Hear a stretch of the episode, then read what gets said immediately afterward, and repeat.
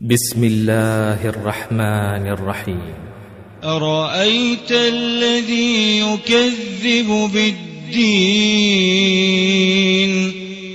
فذلك الذي يدع اليتيم.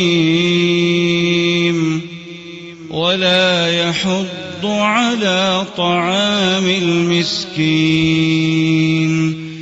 فويل للمصلين الذين صلاتهم ساهون الذين هم يراءون